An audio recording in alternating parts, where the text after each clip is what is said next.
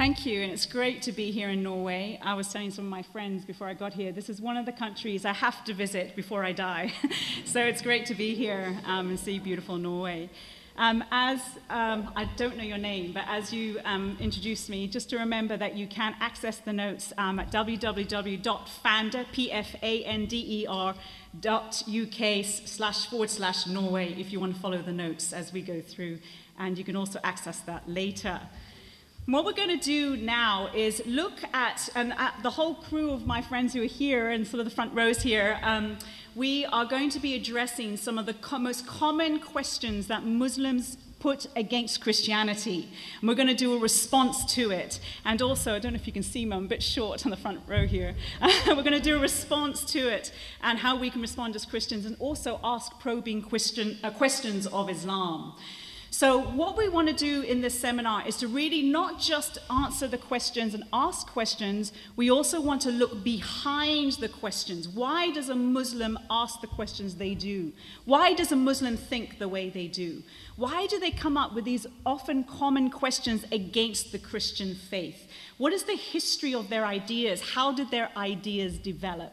So we're really going to go behind the questions, um, as well as hopefully, if we have time, give some really hard answers, as, um, good answers as well.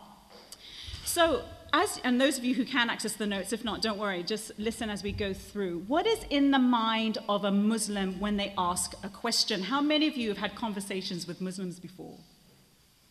How many of you felt confident to answer their questions? Far less hands. How many of you feel you could ask probing questions of Islam? Okay, just again, just a handful. So this seminar is appropriate, I think, and I hope, I hope it will be helpful for you. So why do Muslims think the way they do? And when you look at Islam itself, is there a culture of questioning their own religion? How many of you have questioned the Christian faith? How many of you have been honest about your faith? How many of you have doubted the faith at some point in your life? We all have, well, most of us have, and we have questioned the faith, partly because the Bible tells us to, not to doubt, but to question, to ask questions to test the spirit, to test what the ideas that we come across out there, what are they true? How do we know the Bible is reliable, which is partly what this talk is about today. But what about Islam? Do they have a whole theology, or do, are they even allowed to question their faith? We'll look at that a little bit t- today as well. And is there anything that can hinder a Muslim from questioning their faith? Is there something in their theology of God and how they practice their religion that hinders them from even daring to question their faith? We'll hopefully have time to look at that as well. Another thing that we need to talk about is what is behind a Muslim's question? What is, be, what is in the mind of a Muslim and what is behind their question? So, when you meet a Muslim on the streets of Oslo or wherever it is that you happen to live, or at university and so on, the Muslim that's asking you questions, is it a genuine question? Or is it something that they have just memorized, which is often the case when it comes to Islam? Is it what we call rote learned? Is it something that they've just heard from their imam, their, their uh, leader of the mosque? Or is it something they genuinely are questioning? Again, we need to unpack that a little bit. Is the question that a Muslim is asking, is it a misunderstanding of Christianity? And this is probably a key one to remember. Do they really understand Christianity? And did the Quran, when it, that's the holy book, when it explained Christianity, and when it explains the Trinity, when it explains who God is, does, did, did it explain it correctly? Does the Quran did it actually understand the core message of the Christian faith? Another big question that we need to ask when it comes to Muslims. And what I'm doing right now, I'm throwing at you a whole lot of what I call accountability questions. Questions that you can use as you talk with a Muslim to think through in your mind what's behind this Muslim's question? What are they really thinking? What's in their mind? Is their question based on a Quranic mistake? So, for example, in chapter 3 of the Quran, it's called Surah, verse 59, it says Jesus is just a human. Does the Bible teach that Jesus is just a human? But Muslims believe it does, and also the Quran says he was just a human. In chapter 3, verse 63 of the Quran, it says that Jesus is, um, is equated with God like a partner. Did we take Jesus, a mere man, and make him a partner with God? Oh, you're shaking your head. No. Jesus comes to us. God walks and talks with us and walks into our realm. More of that in the next seminar that I'll do later on this afternoon. And then the Quran says in chapter 4, verse 171, it says this Say not three, and it's the idea that God, our God, is three gods, a mathematical equation. When the Bible talks about the Trinity, does it say it's three, like a mathematical equation? Not at all. God is one especially in the Bible, but it is a complex one, very different from the Islamic God. More of that in the next seminar. And what does the Quran actually say of the Bible? Does it say something negative? How many of you have read the Quran? Has anyone read the Quran the whole way through? Does it ever say anything negative about the Bible? Anywhere in the, in the, so it says something negative about Christians and Jews. What about the Bible? Does the Quran say anything negative about the Bible? And does it say, and this is the key for this seminar today, does it say that the Bible has been corrupted? The Bible has been changed. Nowhere in the Quran does it say that the Bible's been changed, which is fascinating because the Quran is supposed to be God's eternal word handed down from heaven. Tanzil is the word they use in Arabic, handed down, perfect, unchanged and you would have thought that if the Bible had been changed, Muslims' big number one attack against Christianity, it would actually have it inside its holy book. But interestingly, it's nowhere to be seen. So we're going to look at that a little bit today as well. Well, let's go back to this whole idea of questioning. In Christianity, we are supposed to question. We have an intelligent faith. Apologetics is based on knowing the evidence, summing up the evidence, and coming to conclusions. We have a faith that where it says to test the spirits. But what about Islam? And before we do that, there's a couple of key verses, foundational verses I want us to think through. These are the key verses that we use in our organization called Pfander as why we do what we do. Why do we provide answers to the Muslim mind? And why do we ask questions of Islam? Why do we ask probing questions that dismantle the theology and the history of Islam? The first one is 1 Peter 3 14 to 15. I'm not going to read the whole lot because I think you should know this verse. It's the big apologetics verse make a defense. So it says, make a defense, but what's the verse beforehand? In what context? In what context do we make a defense? Does anybody know? In the context of peace or in the context of threat? It actually says, do not fear their threats, but make a defense. So, in the context of a dangerous situation, we make a defense. That might come, that's a, very important little point because a lot of people fear Islam. I fear Islam. I don't know if you fear Islam. I don't always fear Muslims, the people. I do fear Islam. I do fear the religion. And we'll talk about that tomorrow if you come to the seminar tomorrow. There's another verse in the Bible. How many of you have heard a sermon on this? 2 Corinthians 10, verse, uh, verse 5. And this is Pfander's core verse. It talks about how we don't battle against flesh and blood, but we battle against the principalities, the heavenlies above us. So it's something of a spiritual battle. But then it says this we demolish arguments and every pretension that sets itself up against the knowledge of God. So we demolish arguments that sets itself up against the knowledge of God. How many of you have ever applied that verse? When it comes to Islam, we're hesitant. When it comes to atheism, we seem to be a little bit more confident, even if we don't actually know how to do it. But any ideology out there, we are supposed to demolish if it's set up against the knowledge of God. That's a biblical challenge. But we're nervous to do that in the whole continent of Europe. And then we have 2 Corinthians 4 that says, We do not distort our message, but we present it clearly. So we don't distort the gospel message, and we don't also try and manipulate Islam to fit Christianity. We don't distort things, but we present the truth clearly. That's the truth of Christianity and the falsehood of Islam. So, this is the biblical foundation for which now we're going to build the rest of any of the seminars. Well, hopefully, every speaker at, the, at Veritas will do this, but especially when it comes to Islam. So, we test and we are encouraged to test the spirits in Christianity. In Islam, not. And there is a reason for that. There's a hesitancy in Islam because of their theology of God. It's the theology of God that allows you to either dare to question or never question.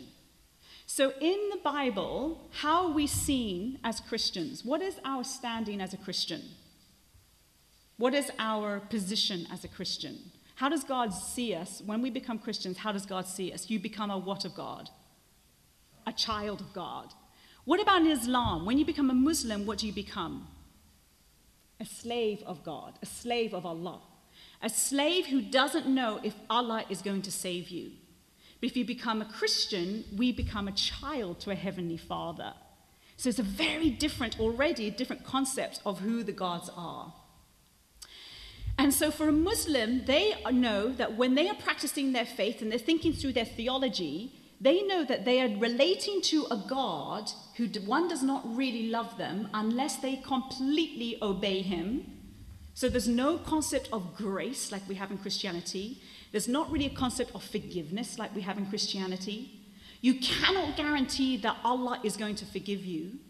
And in order to get into the paradise, you have to do your rituals, you have to sign up to beliefs, and you cannot guarantee you're actually going to enter into the eternal paradise. So, if that's the situation you're in, which is a very vulnerable situation, you daren't question in case Allah on the last day throws you out. But is that the case in Christianity? See, as a Christian, I, especially when I was younger, not so much now, but when I was younger, I doubted. I questioned, I struggled with the whole concepts of Christianity and theology and how I live my life and so on. Now, there's answers to that, and we work it through, which is why we have conferences like this. But in Islam, you're fearful because your whole eternity depends on it, but not so in Christianity. Because of the cross, because of Jesus. We know we enter into heaven with God Himself because of what God has done. So there's a, a safety in that. So we question. You see, Allah and Yahweh, I'm not going to talk about this too much in this particular seminar, you have Allah who never reveals himself versus Yahweh, the God of the Bible, who absolutely reveals who he is through Jesus. Allah of the Quran never comes to us. He is never present, past, future, past, present, and future. What's the God of the Bible always is with us. Allah doesn't give you salvation. God of the Bible does give you salvation. And with Allah, you never ever get to Him, even according to Islamic theology, but in Christianity, it's all about getting to God. That's the whole point of the Bible, getting us back into relationship with God. So, why do that Muslims, in their fear of Allah, won't question, but also when they do question Christians, so they'll question Christianity all the time. In fact, when you hear a Muslim do a presentation in the Western world on Islam, it usually is an attack against Christianity. I don't know if any of you have noticed that. Very rarely does a Muslim present their actual view, especially the Muslim scholars. It usually is an attack against Christianity. And your layperson, your average Muslim, has either just learnt their questions against Christianity, but they don't know how to defend Islam. Because Islam doesn't have that much thought out theology. And when they do have a thought out theology, it's left to the leaders, it's left to the Imam, it's left to the thinkers of Islam but not like us, just your average Christian, where God calls us to be thinking people. He calls us to work out our faith. There are three areas that Muslims hit us on, and we're going to touch upon these here at the conference. So, the first thing is the Trinity. That's the biggie. They love attacking the Trinity the divinity of Jesus and the reliability of their scriptures. In fact, a colleague of ours was in a Muslim um, missionary meeting, and she was sitting at the back, and a convert, a British convert to Islam, got on stage, and he said, You can catch Christians out on three areas the Trinity, the divinity of Jesus, and the reliability of the Bible. How many of you feel confident to explain those three areas? Okay, a few. It's an, we struggle. These are the core parts of our faith, and we struggle to defend them and explain them and convince others about them. These three areas the whole theology of God, God as Father, Son, Holy Spirit, the Trinity, God divine, the, the Son as divine being and human being, as well as the reality of Scripture. These are three key areas and theologies of our faith, and Muslims know how to poke a hole in it. And yet there is an answer to every one of their questions. But many of us don't know how to actually answer them. So let's go back to the topic today, which is all about the reliability of the Bible, and let's ask the same question of Islam. Now, this is a vast topic that almost needs a whole day dedicated to it. But the big question they ask is Is the Bible reliable? Is the Bible the Word of God? The Bible has been corrupted. How many of you have heard that challenge against Christianity? The Bible has been corrupted. Now, the first way we respond, and this is just the simplest way, if you do not know anything about how to defend this particular area of questioning, your first response to a Muslim would be okay, tell me when. When was it corrupted? Where was it corrupted? And who corrupted it? Three W questions. When was it corrupted? Where was it corrupted? And who corrupted it? And your average Muslim will probably say at the Council of Nicaea, which happened in the fourth century, that's when they came up with the Trinity, that's when they came up with the divinity of Jesus, and that's when they came up with putting the Bible together. But that is a misunderstanding of what happened in those big councils in the fourth century. And all you need to do is go back and read the councils that happened, those big meetings that happened in the fourth century, the big debates, and see what actually happened had nothing to do with the compilation of the Bible, and it, all it was was challenging false teaching that had come up in the last few centuries. They were challenging that and making sure the church knew which books were considered reliable, but the books were already being used all through the Bible. So, does the Quran support the claim that the Bible has been changed? Let's look at two verses. When you access the notes later, you'll notice that I've put surah, which means chapter or book, then I've put the name in Arabic and then the number. And the reason I've done that is because this is how Muslims would relate, to, would um, tell you the surah. So just so you become familiar with the titles of the surah. But we tend to just say surah, chapter, book, and then the number. Chapter 16, verse 43 says this We, Allah is speaking here, the God of Islam, we sent down revelation so to those previously so ask those who know the scripture if you do not know. So Allah is telling the Muslims to go to those who had the previous revelation, the people of the scripture, which are the Christians and the Jews. So the Quran tells Muslims to go to the people of the scriptures, to us, if they have questions. The same as Surah chapter 21, verse 7. There's more verses. It says, Before you, men and women whom we revealed. So it's talking about he revealed or sent down. It's the idea of this perfect message sent down from heaven. So ask the people of the reminder or the people of before if you do not know, if you have questions. So go to the Jews and the Christians if you have questions. So when a Muslim says to you the Bible's been corrupted, say, oh, that's interesting because are you aware the Quran, your holy book, doesn't agree with you? Your holy book tells you to come to us. So, in fact, these claims, in fact, almost every modern claim that a Muslim poses against Christianity, not every, sometimes I should say, sometimes the Bible, uh, the Quran, excuse me, disagrees with them. Very interesting and very helpful to maybe just remember a couple of these verses. And another, and we've already touched upon this, that Muslims often will, will um, in their claims, they will base their claims on something that is a later historical idea. So, for example, Muhammad died in 632, and then maybe two to three hundred years later, this type of challenge will rise up in the Muslim scholars. So it's not a Quranic idea, it, it was developed two to three hundred years later.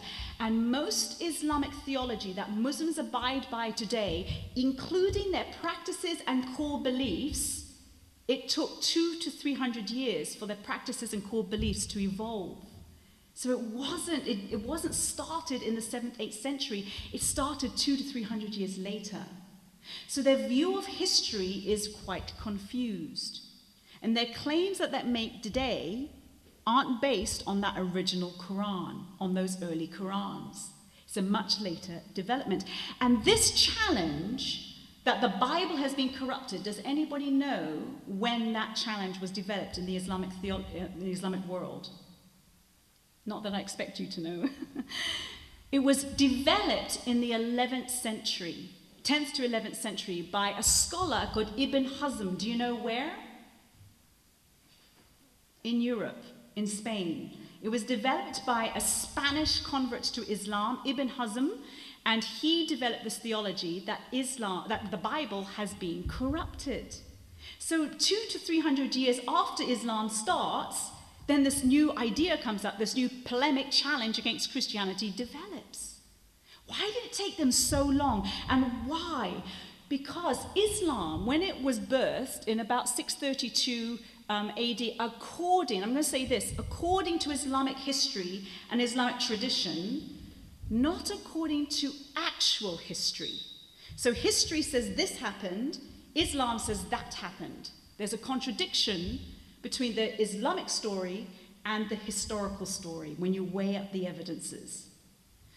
So Islam says it started around the 7th century and so, and then it took quite a few hundred years for this theology to develop by Ibn Hazm, because Islam, when it spread from Arabia, it went through North Africa, enslaved North Africa, came into Europe, enslaved Spain right up into France, and stayed in Spain for about 500 years, which is one of the reasons why the Crusades rose up to push them out when they were heading for the Holy Land.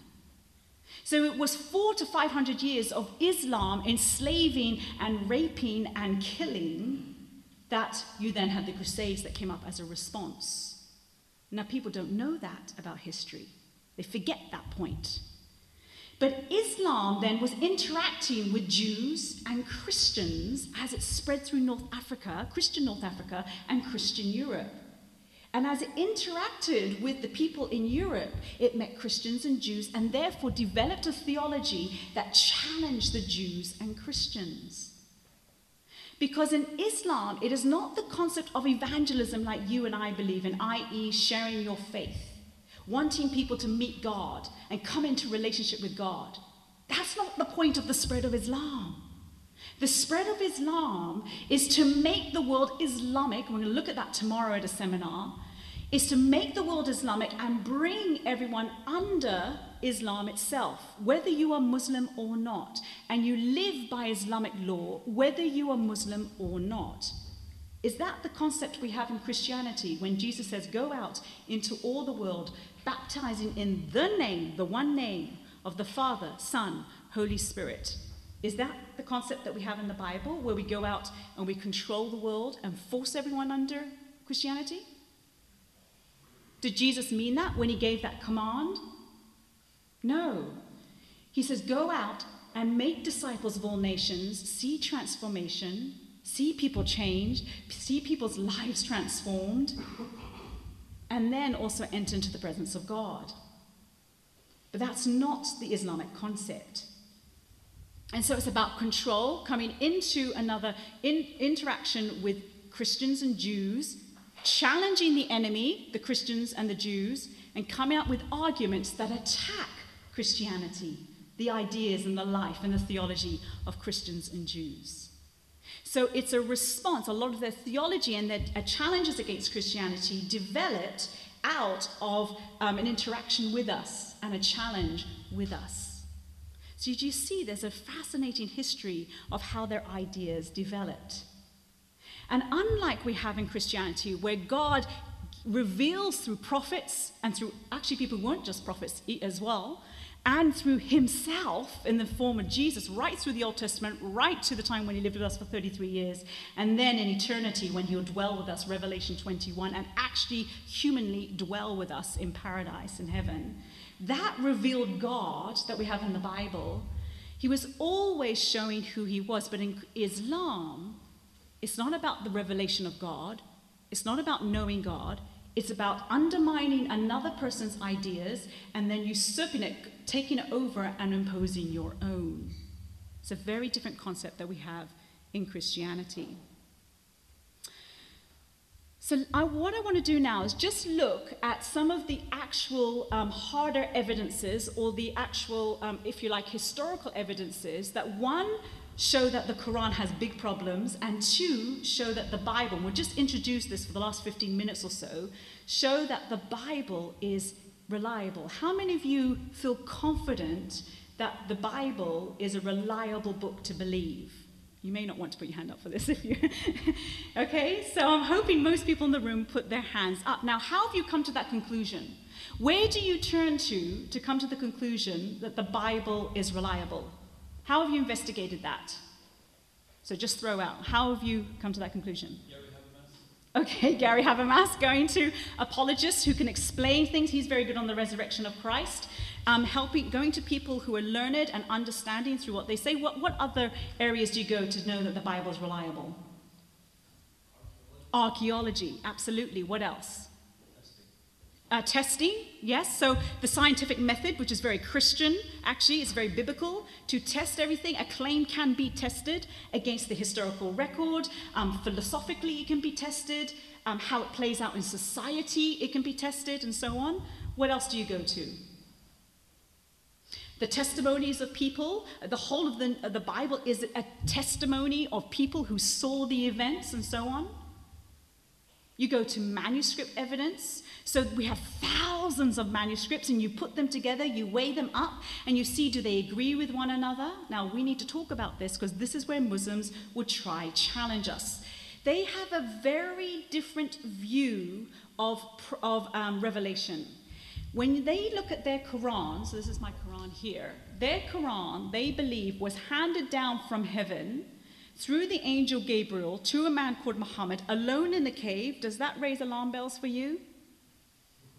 No eyewitnesses, okay? First question you throw at a Muslim friend why was he alone? How do you know? You're just going on his word. And then it was handed down, it's perfect, it's, it's preserved in the heavens. If you look at chapter, I think, 85 of the Quran, and it is totally unchanged. How many of you have heard that claim from Muslim?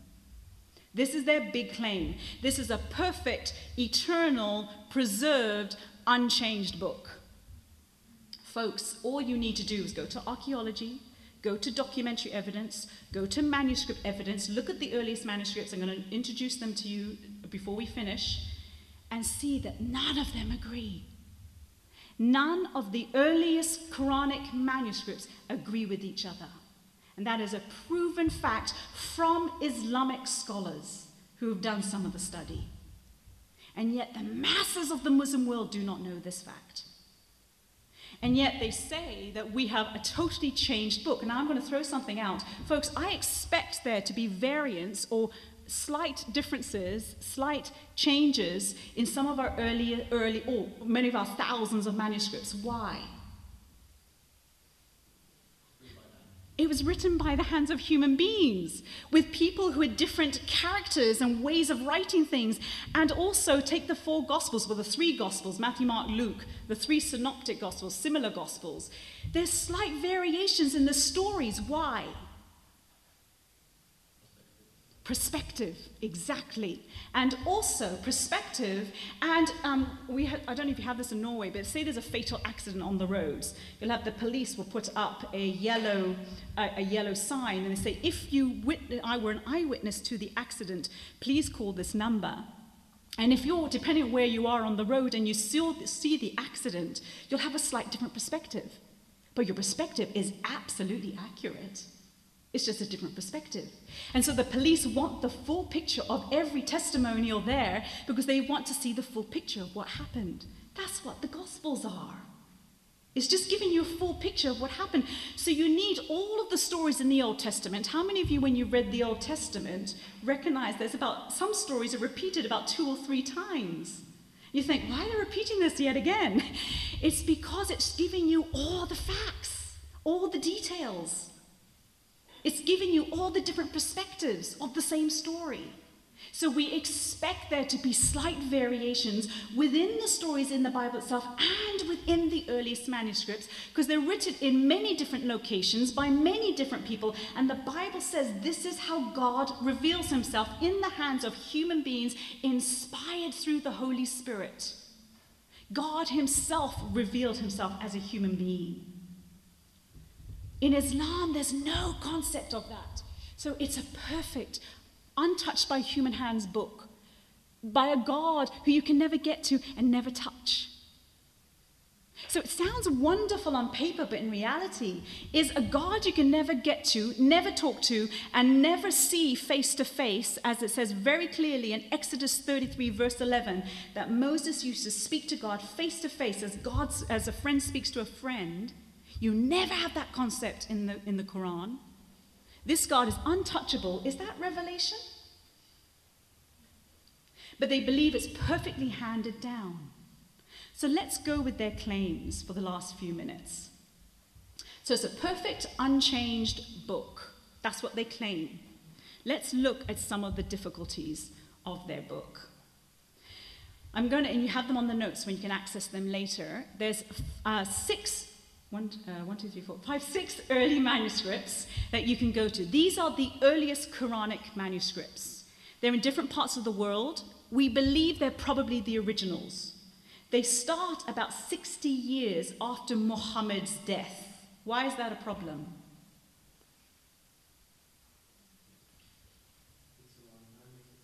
Well, it's a long time, and Muhammad was the one who was supposed to re- receive the revelation alone in a cave, no eyewitnesses.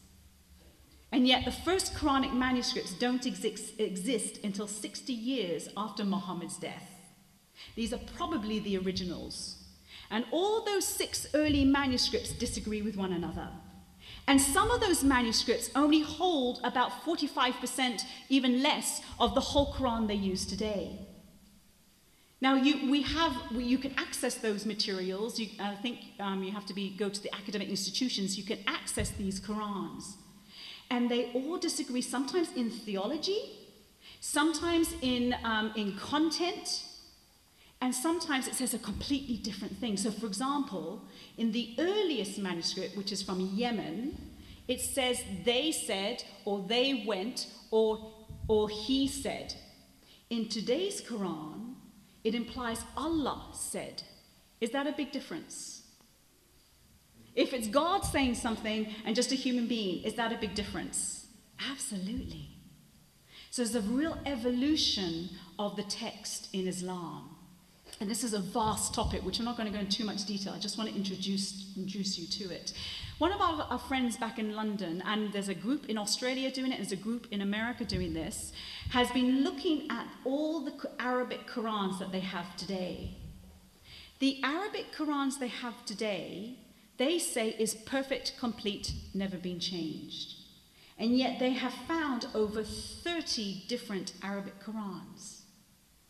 That's very important because in the Quran is supposed to be in the Arabic language.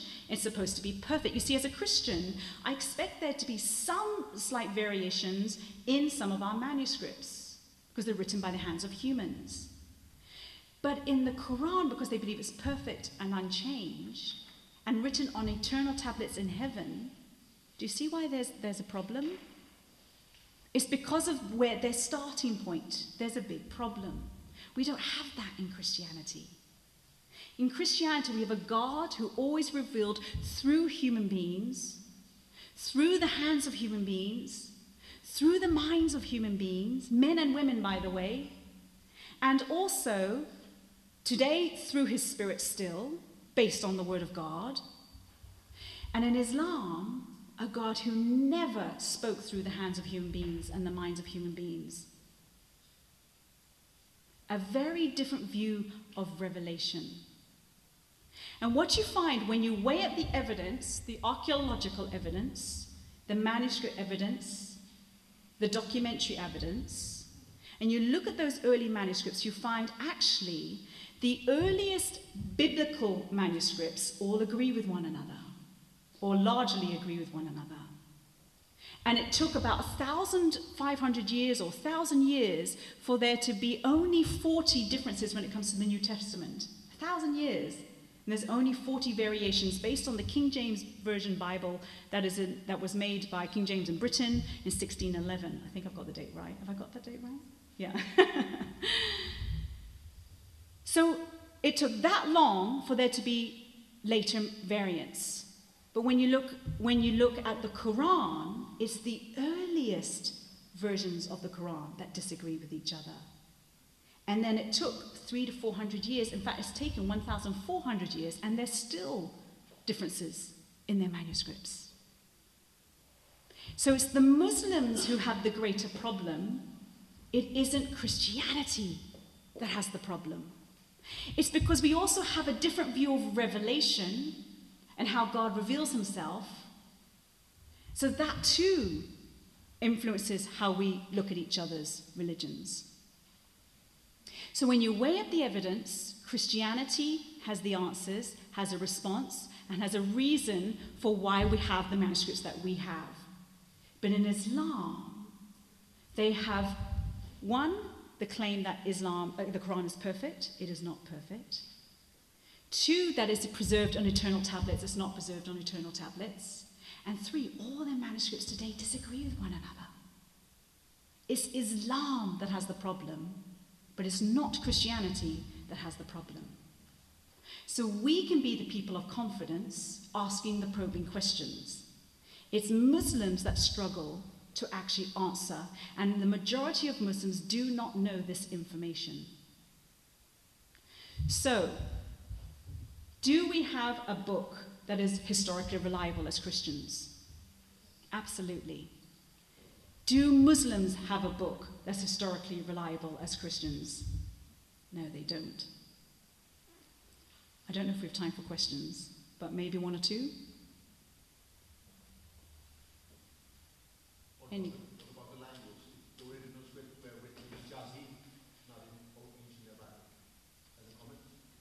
So, if you look at the earliest Qurans, they um, were written in ancient Arabic, which comes out of a language called the Nabatean language, which we now think Islam came out of. This is from Petra, Jordan. Have any of you been to Petra, Jordan? Amazing place. I'd love to go. But this is probably where Islam came from. And the kind of Arabic that's in the earliest Qurans is very difficult to read. And if you read modern Arabic today, you would struggle to know how to read the earliest Qurans. It's almost a different language. But it's a different kind of script. You're referring to a different kind of script. And those who study these early Qurans would be able to read them. Um, but it's a different kind of script, and um, it's, a lot of it is, is very difficult to understand. But that's a very technical whole science of reading those early Qurans. So some of us are learning Quranic Arabic, but it's very different from spoken Arabic. Are there any sources to these six manuscripts that you know, a Muslim can trust if I direct? Yes, so there is, and um, we, uh, there are, yes, there is. A lot of this is very new study. Um, it's only happened in the last 10 years or so. So these ideas are being developed and put up online and so on as we go. Um, there is two Turkish scholars who wrote um, about the Topkapi. It's called the Topkapi, T-O-P-K-A-P-I um, manuscript. is in the Topkapi Museum in Istanbul. This is one of the earliest Qurans. Doesn't agree with the Quran they use today, but it's one of the most full earliest Qurans, one of the six I was referring to. And these Muslim scholars have asked Dr. Alta Kuluch, I think his name is, and um, Dr. Insan in Sanolu um, in Turkey have done a study, and you can you can't access the manuscript, but you can in some of the universities. Um, what we'll do, we'll put it up online, and people can. We'll give you references up online um, later today, and you can access the list of where we're getting this information from. Yeah. Any other questions?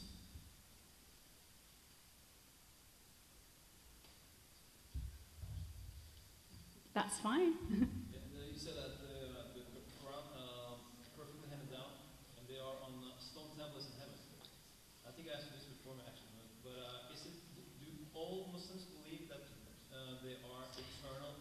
Yes, so um, this is an important question because it will come up in your conversations with Muslims. The Quran is very ambiguous, it's, very not, it's not clear.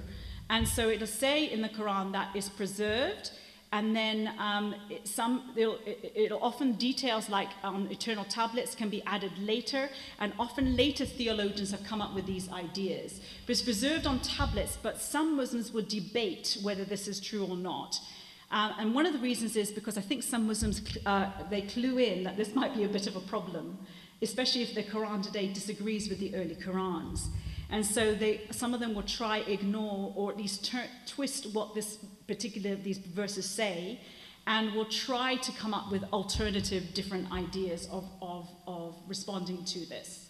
So there are debates with Muslims, especially those who are more modern, more progressive, more assimilated, as in um, entering into a Western or European culture and so on.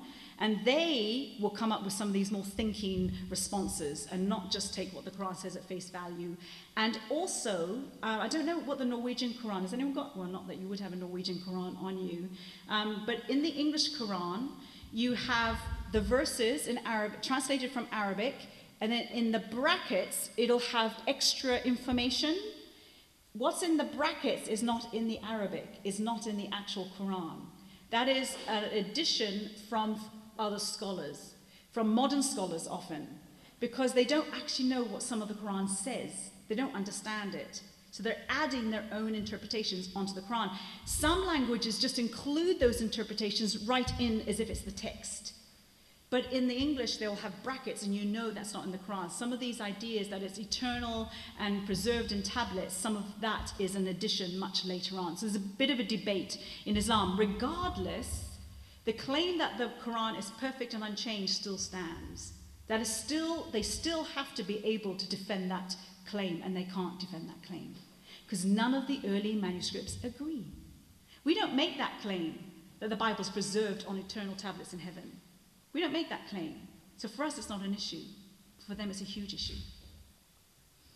Any more questions? I think we need to wrap up.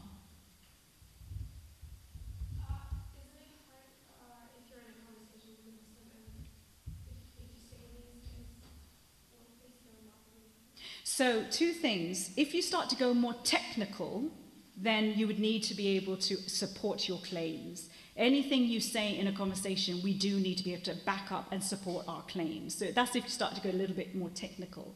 But you don't have to know all these technical details to have a conversation with a Muslim. And remember, when you are first talking to a Muslim and you say to them, Oh, are you aware that all of your early Qurans don't agree with each other? One, they might call you a liar, or they will say that's not true. But it's not because they necessarily aren't believing you, it's more they've never heard this before. Nobody, one, has ever held Islam to account. Nobody's ever challenged Islam. People don't challenge Islam. Islam is allowed to believe and say and claim and move freely. And we have got to start to ask probing questions and start to challenge this religion. Because they have no foundation, they have no reliability of their scriptures. They have no philosophy view of God that even rescues people and transforms people. Islam as a religion is not good for society. Muslims themselves can be beautiful, the most hospitable, loving people you can meet. Most, many of my close friends are Muslims. But it's their religion we need to challenge. So these questions that we ask of them, they've never thought it through. And they also don't have an idea of being allowed to question because of their view of God, because of their view of eternity. So we have to do the questioning for them. How many of us are very good at that? We're not brilliant at it on the whole, I think. So we have to learn the art of questioning. But did it, isn't that how Jesus did it? Think of the Muslims. They are the, the kind of people Jesus interacted with. When Jesus taught, are you aware that a lot of his teaching is asking questions and probing questions? He is really getting down into the heart of the matter. He gets into their minds and into their hearts. We need to learn the art of questioning like Jesus and the art of challenging like Jesus. Because that's how we're going to help Muslims realize there's a problem with their religion. So they might react initially, but I don't worry too much. I'll end with a story, and then I think we really do need to close. So I was speaking to a Muslim missionary. How many of you have been to Speaker's Corner in London? I know some of you that come through on weekends in London, and it was a great time, right? and um, if you've been at Speaker's Corner in London, it's the, place, it's the place where Muslim missionaries go to evangelize people in Britain. And um, I met a Pakistani Muslim missionary there. He literally landed in Britain to uh, evangelize Brits and bring British people um, to Islam. And he started saying the Bible's corrupted, first thing out of his mouth. And I said, Oh, really? Gave him the three W questions when, where, and who. and then I said, Are you aware that the Quran has been corrupted? No, Quran has not been corrupted. And because I have studied bit the technical stuff, started going through it, and I happened that Sunday, that's when we go, to have the early, one of the earliest manuscripts in my bag, a copy of it, pulled it out, opened it up, and showed him the Muslim scholars saying there are variants in this manuscript. It was fascinating. First, we are saying, You're a liar, that's not true. Then I showed him. His eyes filled with tears. And I said, I know this is difficult for you to hear, but the reality is your Quran is not perfect and it's got real problems. And this is Muslim scholars agreeing with me. And he backed away and he had tears in his eyes. And the only thing he could say is, The Bible's been corrupted. And then he walked away. I've never seen him again. But you know what? I don't worry because there was a seed of doubt put into his mind. And yes, it was difficult. But that might be the thing that gets him questioning. That might be the thing that God can use to get him to start investigating another way, which is what you find in the Bible. So we need to become the questioners like Jesus. Let's wrap up there. Thanks.